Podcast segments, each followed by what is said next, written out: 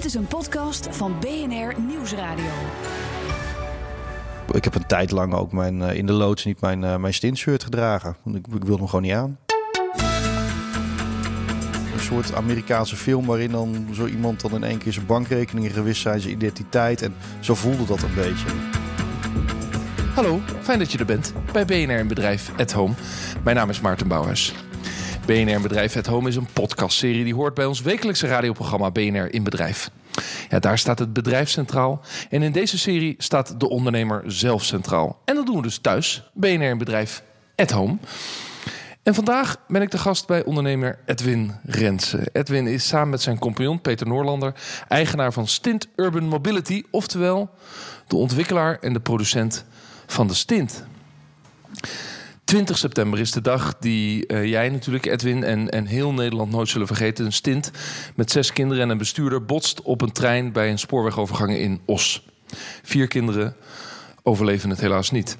In deze podcast, uh, Edwin, wil jij aan BNR vertellen hoe jij nou als ondernemer het afgelopen jaar uh, bent doorgekomen. Dankjewel daarvoor dat we bij jou te gast mogen zijn.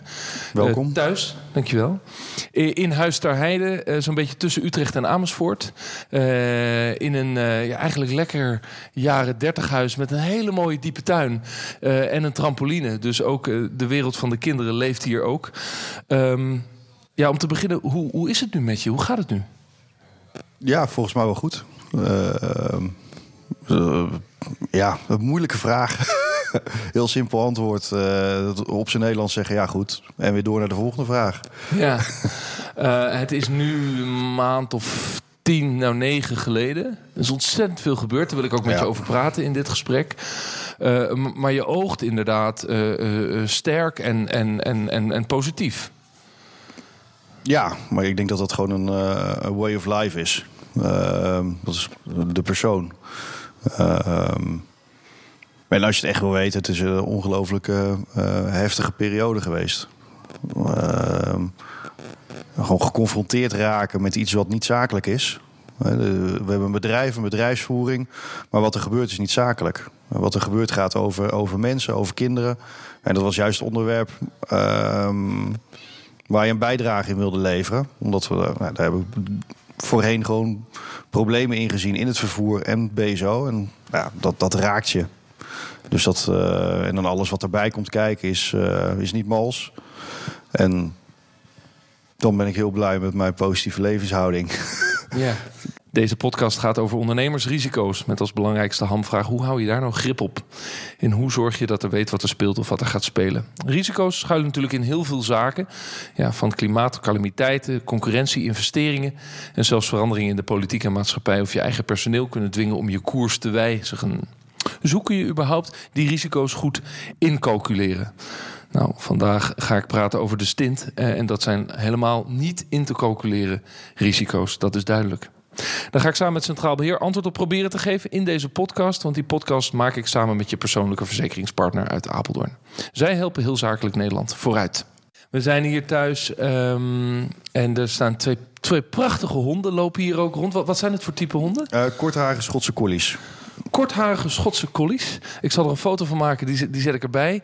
Um, maar ik kan me ook voorstellen dat hier met de natuur hierachter... ga je lang met ze lopen? Ja, ik loop heel graag met die honden. Dat, uh, uh, ik, ik, noem het mijn belrondje. Uh, maar het is ook goed om in de benen te zijn. En ja. ze hebben niet voor niks zijn het kortharige Schotse collies. Dat, dat heeft ook een beetje mijn ligt wat dichter bij mijn kapsel. En uh, ja, daar heb ik gewoon tijd en uh, Ik kan de luisteraar niet zien, maar je bent zelf ook kortharig, lees, kaal. Ja, Bewust gekozen overigens. Uh, want dat doe je zelf, neem ik aan. maar um, dan heb je dat belrondje en dan loop je met de honden hier door het bos of over de hei. Heeft dat je geholpen afgelopen jaar? Jaren, eigenlijk altijd al. Sinds ik honden heb en, en kan wandelen en denken en praten tegelijk... gaat het veel makkelijker dan, dan achter een bureautje zitten. Dat... Dat is al een interessant ondernemersadvies. Neem een hond. Uh, ja. het helpt je om te wandelen, te denken en te praten tegelijk. Uh, eerst nog eventjes naar het bedrijf toe. Jullie gaan door met het bedrijf en horen deze zomer van de minister of de voertuigen daadwerkelijk de weg weer op mogen. hoe, hoe is je verwachting nu? Gaan de stints vanaf september het nieuwe schooljaar de weg weer op? Ja, dat verwachten we wel. Ehm, Uh, we zijn nu bezig met een aantal. Uh, deze week is bekend geworden dat de eerste prekeuring bij de RDW ligt. Dus in de media kwam het alsof het de keuring was. Ja, maar deze voordat... week, en dan hebben we het nu over half juni. Wat het half nu is. juni, ja. En dat is eigenlijk gewoon de eerste keuring om te kijken of de setup oké is. En als de setup oké is, dan kunnen we eigenlijk alle testen starten. Uh, en per test kunnen we dan deze overdragen aan de overheid. En dan begint het keuringstraject. En op het moment dat het hele traject compleet is, dus alle testen, certificaten zijn er, dan wordt hij beoordeeld. En gezien de tijdslijn is het gewoon uh, logisch dat we dat halen. Tenzij er gewoon grote hiccups zijn hier en daar. Maar ja. er wordt hard aan gewerkt. En dat betekent dat, dat de stints die er zijn, die kinderdagverblijven of BSO's uh, hebben, die kunnen omgebouwd worden? Ja, het is niet echt ombouw. We krijgen een. Uh, er komt nu een beleidsregel 2019. Uh, we moeten eerst producent worden. En dan moeten we het eerste voertuig indienen. Wat dus een nieuw voertuig is. En dat krijgt een eerste toelating. Uh, en het zal waarschijnlijk een iets andere benaming hebben. Maar uh, zo, zo, ken ik het van het kentekenplaatje van mijn auto. Um, en dan mogen we produceren. Maar we hergebruiken eigenlijk circulair alleen het chassis, de aandrijflijn. Uh, en nog wat onderdelen. En er gaan zeker meer dan 400 onderdelen gewoon nieuw op. Dus echt gewoon een ander voertuig. Meer dan 400 onderdelen er nieuw op? Ja. Dus voor je gevoel is het dan is het een ander voertuig. Uh, uh, um, maar het kinderdagverblijf herkent de kleur van de bak die ze ooit hadden. Ja, die bak blijft hetzelfde die met dezelfde belettering en uh, iets andere opbouw. Dus de buitenelementen. Zo'n bank bestaat uit twee delen. Dus het zijn er maar twee. Een chassis is één deel. Dus dan heb je eigenlijk maar drie delen en een motor en een aandrijflijn. Dat zijn bij elkaar maar zeven of acht delen. Um, maar 400 andere dingetjes, alle draadjes. Je moet je erg voorstellen, als je een viercilinder auto hebt, dat je er een 15 cilinder in wil zetten. Dat is niet enkel een cilinder bijplaatsen. Je moet je blok veranderen, je koeling, eigenlijk alles onderhuids moet dan aangepast worden. En dat is wat je nu te doen staat. En uh, voor, voor de mensen die luisteren en die zeiden... hoe zat het ook weer met die, met die stint? Uh, we hebben natuurlijk veel foto's van gezien. Het, het is een voertuig wat een beetje lijkt op een, op een Segway met een grote bak ervoor. En, en in die bak kunnen acht tot tien kinderen zitten... die je dan kunt vervoeren van school naar de naschoolse opvang... of de voorschoolse opvang of, of wat dan ook. Dat, dat is het beeld. En, en jullie leverden die bakken in allerlei kleuren. Want ik heb ze in heel veel kleuren door Nederland zien rijden. Zodat de kinderdagverblijf ook een beetje kon aansluiten op hun eigen huisstijl. Ja, maar ook opvallende kleuren voor op straat. Ja. Dus oh, ja. uh, vaak werd gezegd, oh, vrolijke kleuren, want dat doet het commercieel zo leuk. Maar het was eigenlijk om op te vallen in het straatbeeld, dat je er niet overheen kijkt. Dus er zat weer een, een, een reden achter en al zes, zes kleurtjes hadden we. Ja. Je stond op het punt vorig jaar om faillissement aan te vragen. Dat heb je ook gedaan. Dat heb je weer teruggetrokken. Ja. Wat, wat gebeurde er nou toen? Nou, wij vroegen faillissement aan, dat werd bekend. En toen zijn er een aantal partijen opgestaan, zoals leveranciers van ons. Want niemand had verwacht dat wij dan uh, met een gezond, goed lopend bedrijf... Uh, binnen zes weken eigenlijk al onder, uh, ondersteboven zouden liggen. Wij zelf ook niet, maar we hadden het hele jaar inkoop in september gedaan. We zijn een kleine producent, dus we hadden voor duizend voertuigen op de plank liggen. Dus niet liquide. Uh, en we hadden een eigen vloot van een uh, 350 stints ongeveer. En die stonden in het veld. En die genereerden maandelijks inkomsten. Je had een soort leaseconstructie met die stints. Ja, ja. Uh, eigenlijk alle ondernemers die uh, wel een, een stintabonnement. Dus dan kon je een abonnement nemen op het voertuig. En als je hem niet meer hoeft, dan geef je hem terug. Uh, zonder opzegtermijn. Of een maand hebben we altijd gezegd, maar dat deden we. Ja, dat hanteren we nooit zo. maar die voertuigen hadden in het veld staan en op de balans. Uh, maar niet in liquide. En op het moment dat je net een grote inkoop gedaan hebt. Uh, en je zit in uh, oktober was de afdracht BTW. We hadden goed gedraaid, dus je moet BTW afdragen. Je hebt plotseling geen inkomsten meer. Je kan de salaris nog net betalen. En je hebt mensen die kinderen hebben thuis. En dan moet je gewoon het moment dat je niet boven de nul komt en daar ook geen uitzicht op hebt, dan moet je een streep trekken. Ja, maar toen hebben er dus toen dat in de media kwam, leveranciers gezegd: maar wacht even, dit willen we niet, want we geloven in het voertuig. En, en die hebben gezegd: wij houden onze factuur uh, voorlopig, uh, krijg je daar geen aanmaning van, we, we laten ja. dat even totdat het kan. We laten het rusten en we helpen je een klein stukje. Het water oh, stond tot boven onze neus en dat hebben ze teruggebracht tot aan onze lippen. Maar hoeveel uh, inkomsten voor het bedrijf heb je dan de afgelopen negen maanden nog gehad? Want ik kan me voorstellen dat de mensen die een leaseconstructie hadden, die fees ook niet meer gingen betalen. Want ja, ze mochten van de minister dingen niet meer gebruiken. Nee, maar dat factureren we ook niet eens. Dus het was gewoon van uh, volle bak inkomsten naar nul. Ja, maar wel 25 man personeel die aan zijn gebleven. Ja, panden, voertuigen, alles wat erbij blijft. Ja. ja. En, en, en dat, dat uh, maandelijkse oplopende tekort hebben de leveranciers tot nu toe willen betalen?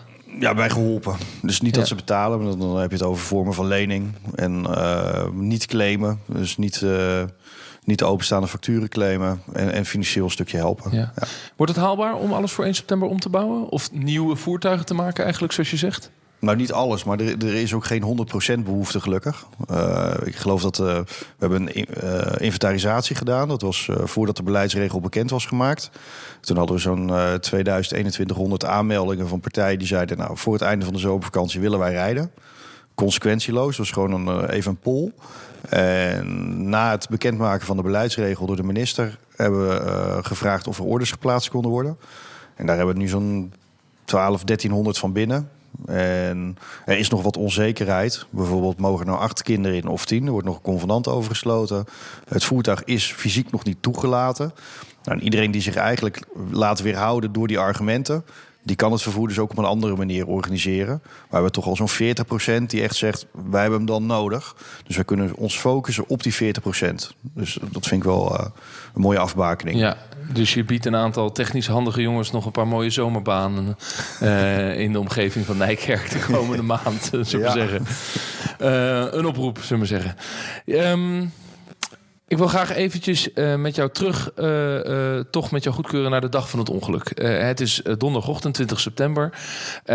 Dan, dan, dan komt dat bericht dat dat gebeurd is. Hoe hoorde je het eigenlijk? Ehm, ik zag het op de groepsapp.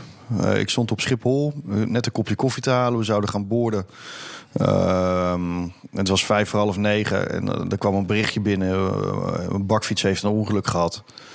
En eh, er zaten kinderen in. Dan denk je, oh vreselijk. Ehm, nou, eh, twee minuten later kwam er een bericht binnen, het is een stint. Maar daar denk je in eerste instantie niet aan, omdat wij voornamelijk buitenschoolse opvang doen en bijna geen voorschoolse opvang. Dat is een heel klein segment. Dus het had ook een ouder kunnen zijn, het had alles kunnen zijn. Het bericht was open en toen hoorden wij het was een stint. Nou, dan eh, vergaat je wereld eventjes. En, Toen was nog niet bekend dat er ook kinderen overleden waren. Het kwam er heel snel maar, erbij. eh, een ongeval met een trein. Ehm, ja, dat, dat, dat, ja, Ja. Wat Dat- dacht je toen dat duidelijk werd? Ehm, nou, ik kon niet echt denken. Ik denk dat ik gewoon in tranen... Ik was in tranen. Eh, ik heb mijn koffie weggegooid. En eh, ik keek naar rechts, daar, daar kon ik boorden. Ik keek naar links, naar de exit. Ik dacht, nou, ik ga naar links. En Ja. toen... Je bent toch die kant op gereden? Dat herinner ja, ik ja, me. ja. Ehm, ik heb wat collega's gebeld van... joh, kan je me ophalen thuis? Ik had wat andere kleren aan. Mijn nette pakkie. Ehm, even naar huis. Eh, vanaf Schiphol eh, richting Os kom je eigenlijk hier een beetje langs. Het is een vrij centrale plek. Even naar huis, even andere kleren aangetrokken. Toen hebben mijn collega's me opgepikt en dan kon ik ernaast zitten. En toen heb ik eh, mijn headset ingeda- ingedaan en zoveel mogelijk telefoontjes beantwoord. En dan krijg in één keer heel veel mensen aan de lijn. Eh, journalisten, klanten, eh, iedereen die een vraag heeft. Dus ik denk, nou, lijnen open en eh, zoveel mogelijk informatie Je, je, geven. je bent naar Oost toe gegaan en wat was je idee toen dat je daar zou kunnen doen? Ja, dat, daarom had ik ook even gebeld met die mensen. Van joh, ik heb eigenlijk geen idee waarom ik bel, maar ik heb gewoon het gevoel dat ik er naartoe moet komen. Vind je dat oké? Ben ik welkom? En eh nou, dan zei ik, kom maar langs. Maar ik had ook, ja, wat, wat- En hoe snel na dat ongeluk, dus aan het einde van de ochtend, stond je bij de spoorwegovergang? nee, ik ben niet bij de spoorwegovergang ben geweest. geweest. Nee, ik ben naar het kinderdagverblijf geweest. Want zij hebben, eh, eh, ja, zij werkte met Stins. Dus dat was mijn, eh, mijn contact daar. Ehm, ik geloof dat ik binnen een uur en een kwartier vanaf Schiphol, dus ik zal daar ongeveer half elf zijn geweest. Nee, het was half negen. Nou, nou, kwart over tien, half elf misschien. Ik weet het eigenlijk. Het was één grote blur. Eh, ik ben er naar binnen gegaan en ben een paar uur later weer naar buiten gegaan. En, Heb je nou in de dagen daarna eh, eh, het, het gevoel gekregen... eh, eerst is het, is het drama en verdriet en dat duurt ongeveer een week in heel Nederland. Dat was een soort nationale rouw. Ik, ik heb die artikelen nog eens teruggelezen. Eh, en ik voelde ook weer de knoop in mijn eigen maag. je hebt kinderen, hè? Ik heb kleine kinderen, maar jij hebt ook kleine kinderen. Ja. En, en eh, die knoop moet bij jou nog duizend keer groter zijn geweest. Ja, dat was eh, eh, bijzonder eh, intensief. en heel zwaar. Echt, ja, het is een soort... de realiteit is weg. Het is een nieuwe realiteit. En dat was, daar heb ik best wel heel veel moeite mee gehad. Ja, dat kan me voorstellen. Het, en dan denk je aan, aan kinderen en, en, en, wat daar, dat daar iets vreselijks gebeurd is. Ja, dat gun je gewoon geen enkele ouder. Gewoon. ja. En wanneer veranderde nou die fase van, van verdriet en, en, en knoop en rouw naar. Uh, ja, wie is nou verantwoordelijk? Wat is er nou gebeurd? En wat betekent dit voor de ondernemer achter het bedrijf Stint? Hoe dat bedoel... veranderde niet. Want dat, voor, voor, mijn gevoel zijn dat twee verschillende dingen. Dus, dus, er is een vreselijk ongeluk gebeurd. Wat ik net al zei, dat is niet zakelijk. Dat, dat gaat over mensen. Um, en aan de andere kant uh, was dat wel de aanleiding waardoor mijn bedrijf in de problemen kwam. Uh, maar moeilijke het situatie. naast maar elkaar bestaan. Het blijft, ja, het zijn echt twee verschillende dingen voor mij. En dat vinden mensen soms moeilijk te begrijpen. Maar uh, uh, verdriet over kinderen of verdriet over wat de mensen gebeurd is, dat, dat, dat, is, dat is gewoon niet zakelijk. Dat heeft daar niks mee te maken. En, en een bedrijfje runnen, met alle respect, ja, dat, is toch, dat is toch iets anders. Ook al is het moeilijk en lastig en er zit die emotie erbij, zijn dat altijd voor mij twee gescheiden dingen geweest. Het, was ook een gevolg dat mijn bedrijf in de problemen kwam. Daardoor of dat het een moeilijke periode werd. Uh, maar dat betekent niet dat die twee dingen door elkaar liepen. Want het, het verdriet van een ouder is toch iets anders dan uh, een bedrijf wat even moeilijk heeft. Je zegt het zijn eigenlijk twee parallele lijnen die blijven naast elkaar bestaan. Het verdriet uh, en het bedrijf, wat dan in de problemen komt. Uh, heb je nou na die eerste week of weken, uh, als, als alles toch een klein beetje in rustiger vaarwater komt, ook in de verdrietfase, hè? uiteindelijk komen we als samenleving en, en zelfs individuen kunnen weer een stapje zetten. Heb je daarna nog contact gehad met mensen in Os, met, met het kinderdagverblijf of familie van de leidster of de familie van de overleden kinderen? Nee, ik heb uh, uh, eigenlijk alleen mijn lijn gevolgd. Daar heb ik ook heel lang over nagedacht. Van, moet ik nou contact zoeken? Uh, ik heb contact eh, een beetje gehouden met kinderdagverblijf. Ehm, eh, ook omdat we daar natuurlijk geweest waren. Ehm, maar dat was mijn lijn. Dat was ook mijn zakelijke lijn. Daar hebben wij een voertuig aangeleverd. En buiten die lijn is het een emotioneel verhaal. Want dan zou ik contact opnemen omdat ik daar zelf uh, behoefte aan heb. Maar um, ik, kan, ik laat het, dat graag aan anderen. Uh, ik, ik, heb dat wel gezien als dat kan een manier van opdringen zijn, omdat ik ergens mee zit of wat dan ook. Zometeen kom ik met die mensen in contact of het is ongewenst. Of uh, ik denk dat die mensen heel veel aan hun hoofd hebben. Um, en ja, daar, daar wil ik niemand in storen. En als er vragen gesteld worden of iemand heeft behoefte aan antwoorden die ik wel zou kunnen hebben, sta ik er altijd open voor. Maar ik heb dat niet actief opgezocht. Nee, want het voelt als uh, richting geven aan je eigen uh, verdriet. Terwijl zij al met, uh, diep genoeg in, in hun verdriet zitten. Ik kan me een heel klein beetje voorstellen wat daar, wat daar aan de hand is. Of wat, wat, wat dat voor emoties losmaakt. En, en, en ik, ik, ik kan me dat niet voorstellen hoe dat echt is. Ik kan het alleen van de buitenkant beschouwen en dan krijg ik al bijna tranen in mijn ogen. En ik, ik wil mensen niet lastigvallen op zo'n moment. Naar jou toe. Voor jullie, uh, want Lisette, jouw vrouw is hier ook thuis, veranderden er ook dingen. Uh, er, er, er, kwam druk van buiten, van, van politie of van het OM. Er komt een strafrechtelijk onderzoek. Er, uh, ja, er worden vragen gesteld. Wat, wat gebeurde er in die, in die maand na dat ongeluk? Ja, ontzettend veel. Um, Eerst gebeurt er een ongeluk. En, en nou ja, het eerste wat je, wat je doet bedrijfsmatig was van... hey, uh, laten we alle voertuigen in ieder geval controleren. Laten we daarmee bezig zijn. Uh, op een dag sta je met je, je bankrekening, uh, wil je iets afrekenen. De bankrekening doet het niet meer. Dan pak een ander pasje, doet het ook niet meer. Wat is er aan de hand? we hadden geen schulden of wat dan ook. En je, je bank doet het niet meer.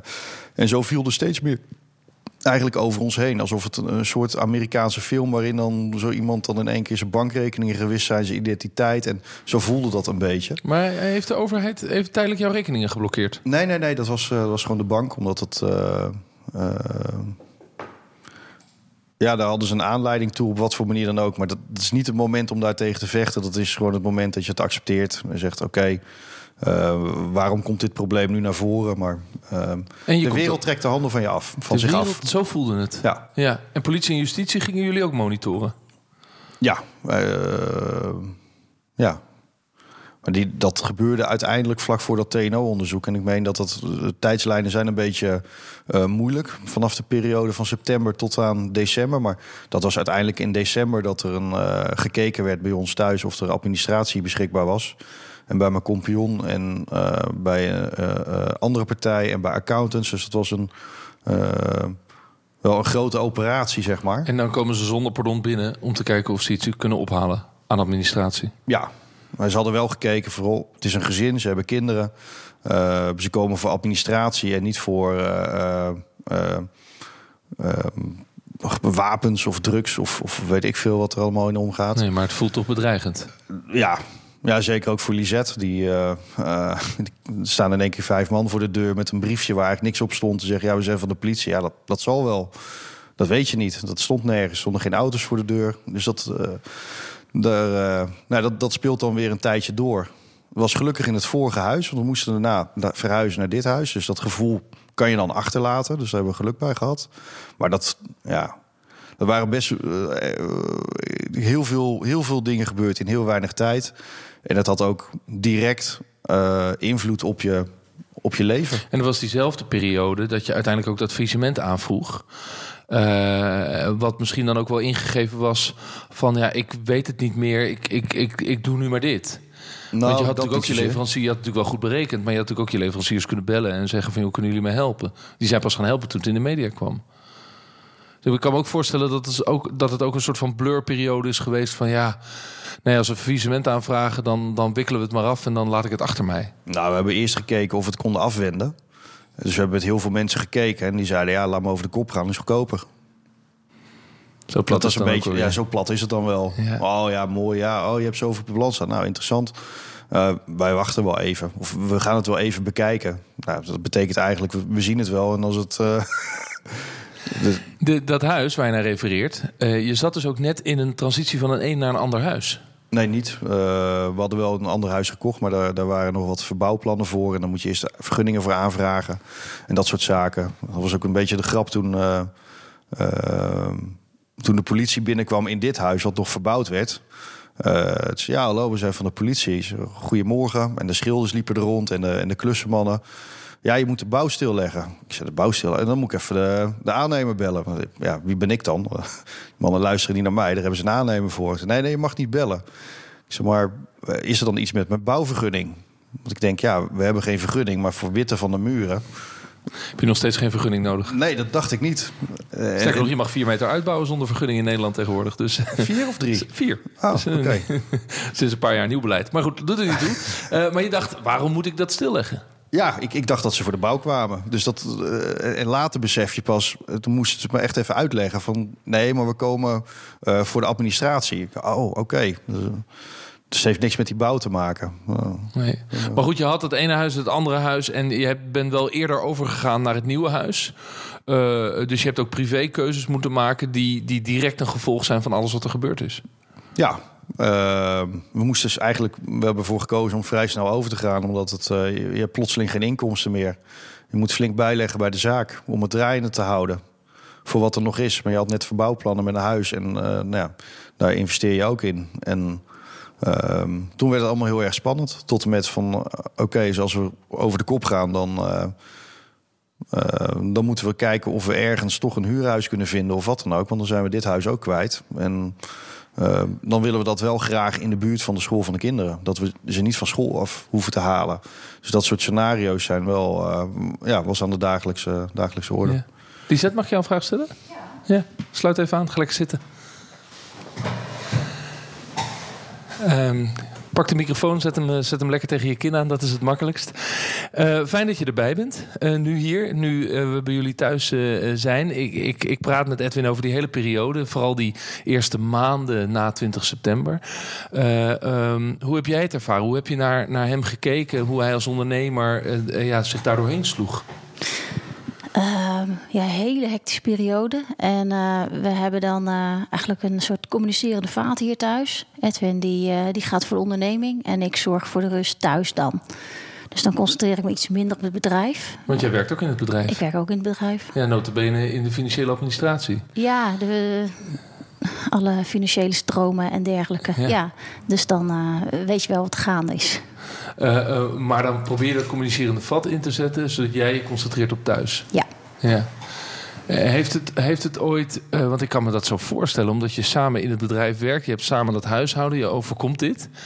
Eh, eh, is, zijn er momenten geweest dat het tussen jullie in is gaan staan eigenlijk? Of dat, je, dat, dat, het, dat het ook lastig wordt? Dat je een oneenigheid hebt over hoe je om moet gaan met de situatie? Nee, volgens mij niet. Edwin? Goed antwoord. Maar dan is Nee, Heb je dat ook niet zo ervaren? Nee, maar ik ik denk dat ook omdat de situatie... het voelde een beetje als de wereld tegen ons op een gegeven moment. Omdat er zoveel gebeurt. En dan, eh, ja, dan, dan, dan ga je eerder naar elkaar toe... dan dat je eh, ook daar nog een eh, wicht tussen drijft, Ja. denk ik. Jullie, waren, Zo, zo heb ik het wel ervaren. jullie waren een team. Ja, we zijn een team, we blijven een team. Ja. Waar, ben je, waar ben je het meest trots op als je naar Edwin kijkt, hoe die die maanden door is gegaan? Eh, ja, hij is gewoon rechtop blijven staan. Wat er ook gebeurde. En dat vind ik, eh, ja, dat vind ik knap. Ja. Dat kon ik niet iedere dag hoor. Nee? Maar ik hoefde niet op de voorgrond te treden. Dus ik kon af en toe zeggen, nou ik hou de gordijnen dicht en ik doe vandaag even wat minder. Ja. En Edwin moest elke dag weer naar buiten eh, en ook in de media Ja. en zijn verhaal doen. Ja, niet alleen met de media, maar ook met allerlei eh, andere instanties. Waar hij eh, over gesprekken mee had, overleggen mee had. eh. We zijn nu negen maanden verder. Over een paar maanden gaat hopelijk die stint voor jullie, voor het bedrijf, hopelijk de weg weer op. Eh, eh, Ja. En voor een hele hoop kinderen en kinderdagverblijf. Want het is toch wel, mijn dochtertje heeft er ook wel eens in gezeten. Het is een prachtig apparaat. Eh, hoe, hoe zou jij dat ervaren? Dat moment dat, dat het bedrijf weer, weer vooruit gaat. ik denk dat als ik de eerste stint op de weg zie rijden, dat er wel weer dat er wel een traan uit mijn oog komt. Gewoon om, ja, dan krijg je eigenlijk een soort ontlading van, ja, ehm, het is ons toch gelukt. Ja. Al in een jaar. Dat is eigenlijk best snel. Dat is snel, ja. Aan de andere kant is een jaar ook heel lang. Jullie hebben dat als heel lang ervaren. Eh, ja, het is best wel een lang jaar geweest. Ja. Wat je wel eens hoort in dit soort crisis... eh, is dat mensen hun, hun vrienden, familie en kennissen echt leren kennen.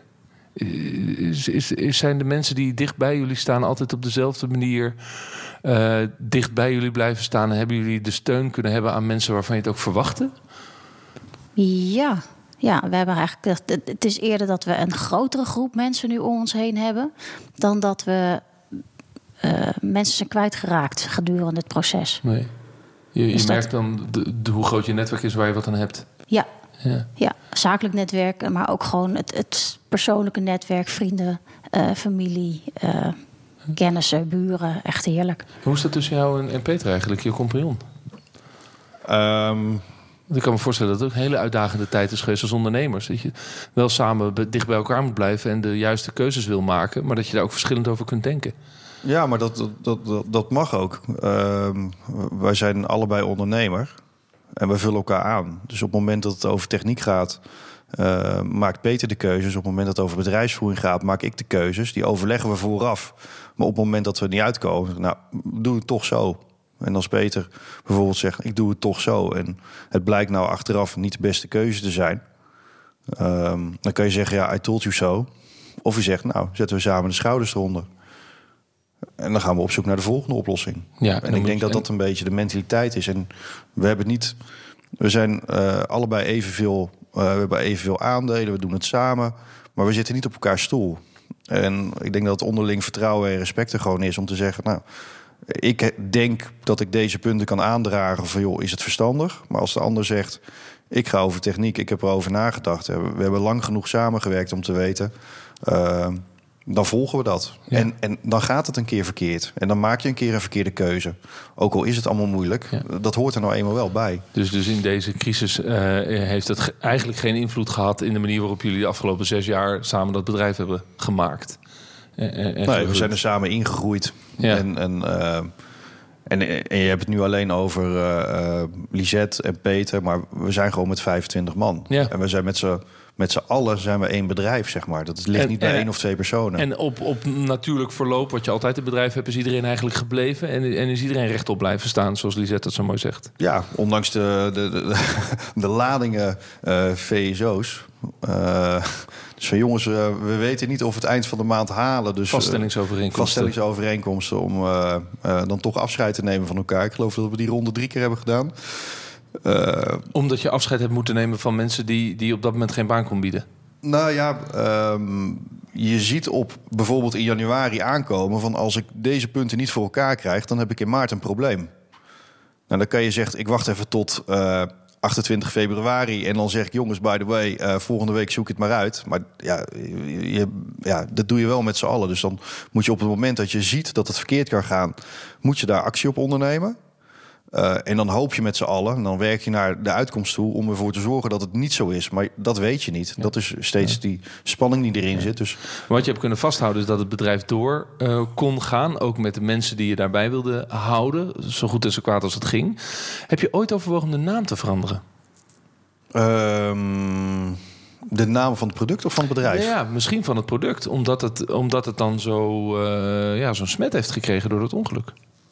Ja, daar heb ik wel eens over nagedacht. En vooral, ehm, ja, eh, ik heb er altijd een beetje een, een afkeer van. Dan, dan gebeurt er iets en dan ga je naam veranderen en is het allemaal niet gebeurd of zo. Dus ik, dat, dat is een beetje mijn beleving. Dan zie je bij sommige bedrijven, die hebben iets... eh, ehm, maar daar zit er vaak toch een andere reden achter. Voor, voor mijn gevoel dan. En dan veranderen ze hun naam. En dan is het in één keer allemaal opgelost en is het allemaal uh, uh, Je vindt het, je vindt het eigenlijk een vermogen van het verhullen van wat er niet goed was. Ja, eh, dit is het verhaal, dit is het voertuig, het is wat het is. En dat, dat is het eigenlijk altijd bij ons. En uh, we hebben geen commerciële invulling, we hebben geen uh, methode om dat allemaal naar buiten te brengen. Dit is het nou eenmaal en dit is er gebeurd. Ja, dat, dat, dat, dat verandert niet. En een andere naam. ehm, dan rijdt daar zo'n ding en dan zegt iemand: hé, hey, dat is dit. Nee, dat is iets anders. Dan ik, ja, dag. Wat is het nou? het antwoord op de vraag is dus: dat heb ik dus niet gedaan en dat wil Oh ik ja. dus ook niet. Sorry, lang Uh, nee, antwoord. dat- nee, geen sorry. Uh, maar je hebt het wel even overwogen, maar je vindt het dus niet logisch. Ja. Dat je zegt dat, dat, dat past mij niet. De media hebben natuurlijk een, een grote rol gespeeld in dit hele verhaal. Want het is ongelooflijk groot nieuws geweest. En het, dat betekent automatisch dat het opvolgende nieuws ook altijd groot nieuws is. Hoe kijk je terug op dat, op dat mediajaar? Wat voor invloed hebben zij gehad in de manier waarop, waarop het verhaal zich uh, ontwikkeld heeft? Ja, ongelooflijk veel invloed. Ik denk in de, uh, de politieke invloed, de media, dat zijn twee werelden waar ik totaal niet in thuis ben. En dat heeft heel veel ehm, aan het verhaal gedaan. In eerste instantie zag je, eh, en vooral de nuance is soms heel moeilijk, ook voor journalisten, om dan het echte verhaal boven te krijgen. Want je hebt een bepaalde invalshoek, maar vaak is het verhaal breder. Het is maar net hoe het neergezet wordt of hoe het overkomt, uh, wat gaat leven. Dus een soort uh, subrealiteit die gecreëerd wordt. Dan denk je, ja, maar eigenlijk feitelijk klopt dat niet helemaal. Maar voor het gevoel klopt het dan weer wel. Dus je krijgt, je bent eigenlijk aan het sturen op dingen die eigenlijk niet zijn. Maar had je het gevoel dat je er veel in moest sturen? Dat je veel dingen recht wilde zetten die je las? Ja, ik ben wel graag van de, van, van, de, van de werkelijke informatie. En of dat nou positief of negatief uitpakt, voor mijzelf, dat maakt er minder uit. Maar het moet wel kloppen, zeg maar. En daar hebben we wel steeds in geprobeerd op een nette manier, als er iets aangegeven werd, om de lijn open te houden. Nou hebben we ook vanaf dag één gezegd, of vanaf het eerste moment, alle lijnen zijn open. En iedereen die een vraag heeft, die zullen we beantwoorden. Ja, uh, maar denk je dat de snelheid waarmee de politiek uh, de stint van de weg heeft gehaald na het ongeluk, dat dat echt ingegeven is door de, door de media-hype? Dat dat langzamer was gegaan of dat dat anders was gelopen als, uh, als er minder berichtgeving was geweest over? Of een ander dat, soort berichtgeving? Ik weet alleen hoe het gegaan is. Dus dat is de enige situatie die ik ken. En ik, ik kan me niet. Ik, ik, zit niet in de politiek. En um, ik denk dat er bij zo'n heft, zo'n heftig iets. Uh, uh, dat daar gewoon ook een politiek statement bij hoort. Ja. Overigens, dat politieke statement komt dan van de minister, Cora van Nieuwenhuizen. Uh, heb jij persoonlijke gesprekken met haar gehad? Nee. Heeft ze jou ooit gebeld? Nee, ik heb, uh, we zijn elkaar toevallig uh, een keer tegengekomen na een algemeen overleg. Uh, in de Kamer? Nee, in Nieuwspoort. Oké. Okay. Dat is, en toen, toen, toen hebben we even een handje geschud. Maar minister. Maar in die hele periode dat zij eh, met een ministerieel besluit, besluit om het ding per direct, per 12 uur s'avonds was het geloof ik, van de weg te halen. Heeft ze jou niet gebeld? Nee. Nee, zij heeft mij niet gebeld. Heb je het maar- nooit opmerkelijk gevonden? Dat is haar vijf minuten werk voor haar. Ehm, nee, eigenlijk niet. Ja, ik, ik ben een beetje een procesdenker. En ehm, volgens mij zou het zo moeten zijn dat het ministerie het werk doet. De minister is verantwoordelijk. En die moet op informatie die zij krijgt van haar partijen een keuze maken. Ja, Ja, dat is wel zo. Maar het dat gaat ook dat- gewoon over mensen en over bedrijven. precies, over bedrijven. Nee, maar het gaat ook over mensen die achter die bedrijven zitten. Ja. Nee, ik heb dat nooit zo, ehm, zo ervaren. Ik had het juist het idee van, joh, een minister moet ook eh, de eigen rol kunnen pakken. En geïnformeerd worden door een ministerie en eh, door andere partijen. En of dat dan wel of niet goed gebeurt, daar had ik een gevoel bij. Van, hey, is dat nou wel zo? Of krijgt de minister wel de juiste informatie? Ehm, maar het zou toch raar zijn als in Nederland, dat als er iets gebeurt, dat een partij met de minister gaat praten. ehm, en daar volgt dan een bepaalde actie op. En wat moeten mensen in het land dan denken? Hebben ze een onderhondje Nee, dat- gedaan of zit daar wat anders achter? Er moet een bepaalde afstand tussen Ja, zitten. ik vind het een heel chic antwoord. Je, je zou ook kunnen zeggen, los van wat zij besluit... en dat doet ze op basis van de feiten... maar vlak voordat ze dat naar buiten brengt... belt ze jou even en vertelt ze het jou persoonlijk... en twee minuten later gaat het persbericht eruit. Dat- nee, dat, dat kreeg ik van ook, het hè? ministerie. Dat belletje kreeg je van het ministerie. Ja, of een berichtje van, joh, dit en dat gaat er gebeuren. Dus je krijgt wel een heads-up, een minuut van tevoren. Eh, zo nu en dan. Maar ja, Oké, dus dat contact is er wel. ja. Ehm, maar dat hoeft dan niet van de minister af te komen. Dat die, eh, Eh, Het bedrijf gaat door. Hopelijk eh, eh, worden de stints eh, a- snel goedgekeurd en, en kunnen ze vanaf september de weg weer op. Eh, eh, het, het, het drama van wat er in Os is gebeurd, alles wat de afgelopen jaren is gebeurd, zal er altijd blijven. Hoe, hoe, hoe ga- hebben jullie een idee over hoe je dat een, een, een plek wil geven eh, op het moment dat je de komende jaren ja, doorgroeit met het bedrijf? Ja, ik, eh, eh, het is nu ervoor zorgen dat het bedrijf blijft bestaan. Daar zijn we nog steeds voor, eh, voor in de race. Dat is geen gelopen race. Daar moet een hoop voor gebeuren. En ik denk op het moment dat het dat zover is, ehm, dat, dat, dat dan dingen meer ruimte krijgen. Ehm, maar ik heb wel eens het gevoel gehad, heb ik hier nog wel zin in. Ik, ik laat het niet vallen, omdat het... eh, ehm, stel, ik was de enige in dat bedrijf. En ik had geen verplichtingen naar wie dan ook. Eh, en geen afspraken met mensen. En dan had ik me kunnen omdraaien. Maar dat, dat kan ik niet, want we, we zijn iets aangegaan. En dan moet je dat volbrengen. In ieder geval naar beste eer en geweten. En dat is eh, naar onze club, naar onze leveranciers... naar iedereen die rekent op product... naar eh, de vervoersoplossing aan zich, de vervoersmethodiek. Ja. Maar als dat achter de rug is en we zijn in een ander vaarwater... dan weet ik niet wat er gaat gebeuren. Want we zitten nu nog steeds in die race. Ja, het voelt nog steeds als overlevingsmodus. Ja. En dat doe je vanuit verantwoordelijkheid. Nou ja, Naar eh, jezelf en naar heel veel mensen om je heen. Ja, ook. En ik denk dat dat gewoon iets is wat, eh, wat in je als persoon zit. Of dat, Ja. ehm, En dan gaat het gebeuren, want eh, la- laten we ervan uitgaan dat het, dat het lukt en dat de stint de weg weer op gaat. En dan ben je op een willekeurig moment met de honden aan het lopen, misschien hier in de buurt. En dan zie je er eentje rijden, voor het eerst. En die zet zij al even, ja, ik zou misschien wel een eh, traantje wegpikken op het moment dat ik ze weer over de straat zie rijden. Hoe zal dat voor jou zijn? nou, ik weet het niet. Ik, eh, het is een heel eerlijk antwoord. Als ik moet zeggen, oh, dan ben ik zo blij. Maar ik weet het niet. Dat, eh, Dat is dan het gevolg van een proces. ja, ik weet ook niet of ik... ik, heb, ik heb een tijd lang ook mijn, in de loods niet mijn, mijn stintshirt gedragen. Want ik, ik wilde hem gewoon niet aan. Dus er is zoveel gebeurd. Dus het is zo beladen. Het is... ehm, Kijk, als we het hebben over het vervoer van BSO en het vervoer van kinderen, dat, daar zat een bepaalde eh, drijfveer achter eh, over organiseren van vervoer en optimaliseren van processen en zorgen dat het eh, op, een, op een andere manier plaats kon vinden dan met die congestieproblemen rondom scholen, wat, wat, wat gevaar opleverde. Ehm, dus het, het, is, eh, het is niet alleen ondernemer, daar zit heel veel gevoel. Als je het nou hebt over bijvoorbeeld een postmarkt, waarbij je op een hele andere manier met elkaar omgaat om eh, een zakelijke overeenkomst te sluiten. Maar ook de kinderopvang is ook zakelijk natuurlijk, maar op een hele andere manier. Dan, dan, dan is het een hele andere dynamiek. En, en ja, Ja. Maar je zegt, ik, ik heb een tijdje in de loods het stintshirt niet gedragen. En dat heeft dan te maken met, heb ik nog een product waar ik trots op kan zijn? ja. Of ben ik, ben ik een belediging voor andere mensen? Misschien Ja. wel. Van joh, eh, eh, als je dat shirt aan hebt, beledig je dan mensen of zo? Ik, ik weet het Ja, niet. en dat, datzelfde gevoel kan je eh, voelen als je ze weer ziet rijden. En dan denk je, moet ik nu blij zijn? Moet ik nu trots zijn? Of niet? Of blijft het, blijft het een dubbel gevoel? Ja, dat gaan we merken. Dus op het moment dat dat gebeurt, dan zal ik het weten. Ik kan Ja. het moeilijk inschatten. Je nu. kunt het nu niet inschatten. Je kunt alleen maar dan, dan aanvoelen wat er gaat gebeuren. Ja, het, we, we hebben het voertuig klaar. Die staat nu bij de, bij de RDW om een prekeuringje te krijgen. Zodat we even meekijken of, de, of we het eh, in opzet goed gedaan hebben. Maar toen dat product er stond, ja, ik had niet eh, het gevoel... wauw, ik spring erop, ik ga ermee rijden. Oh, wat leuk. Nee. Dat, nee, dat, dat zit er nu niet. Ja. Lisette, laatste vraag. Eh, eh, fijn dat je bij bent blijven zitten om, om mee te luisteren. Ehm, zoals elk gezin in Nederland, eh, wij thuis ook en, en jullie hopelijk ook, eh, is het zomervakantie. Jullie oudste dochter die zit op school, dus die heeft die zes weken zomervakantie. En al haar vriendinnetjes gaan op vakantie. Hebben jullie vakantieplannen gemaakt voor de komende twee maanden? Of hebben jullie gezegd, nou wacht even, we blijven dicht bij huis. Ik moet kort op de bal zitten, want ons jaar is anders. Eh, het zal waarschijnlijk iets op het laatste moment gaan worden als we weg kunnen. Ja. Ligt er heel erg aan hoe hectisch het allemaal gaat worden. Ja, dus het, dus het blijft.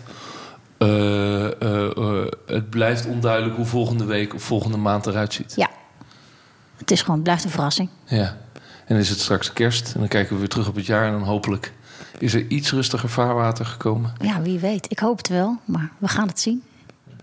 Edwin Rensen, dankjewel voor je verhaal.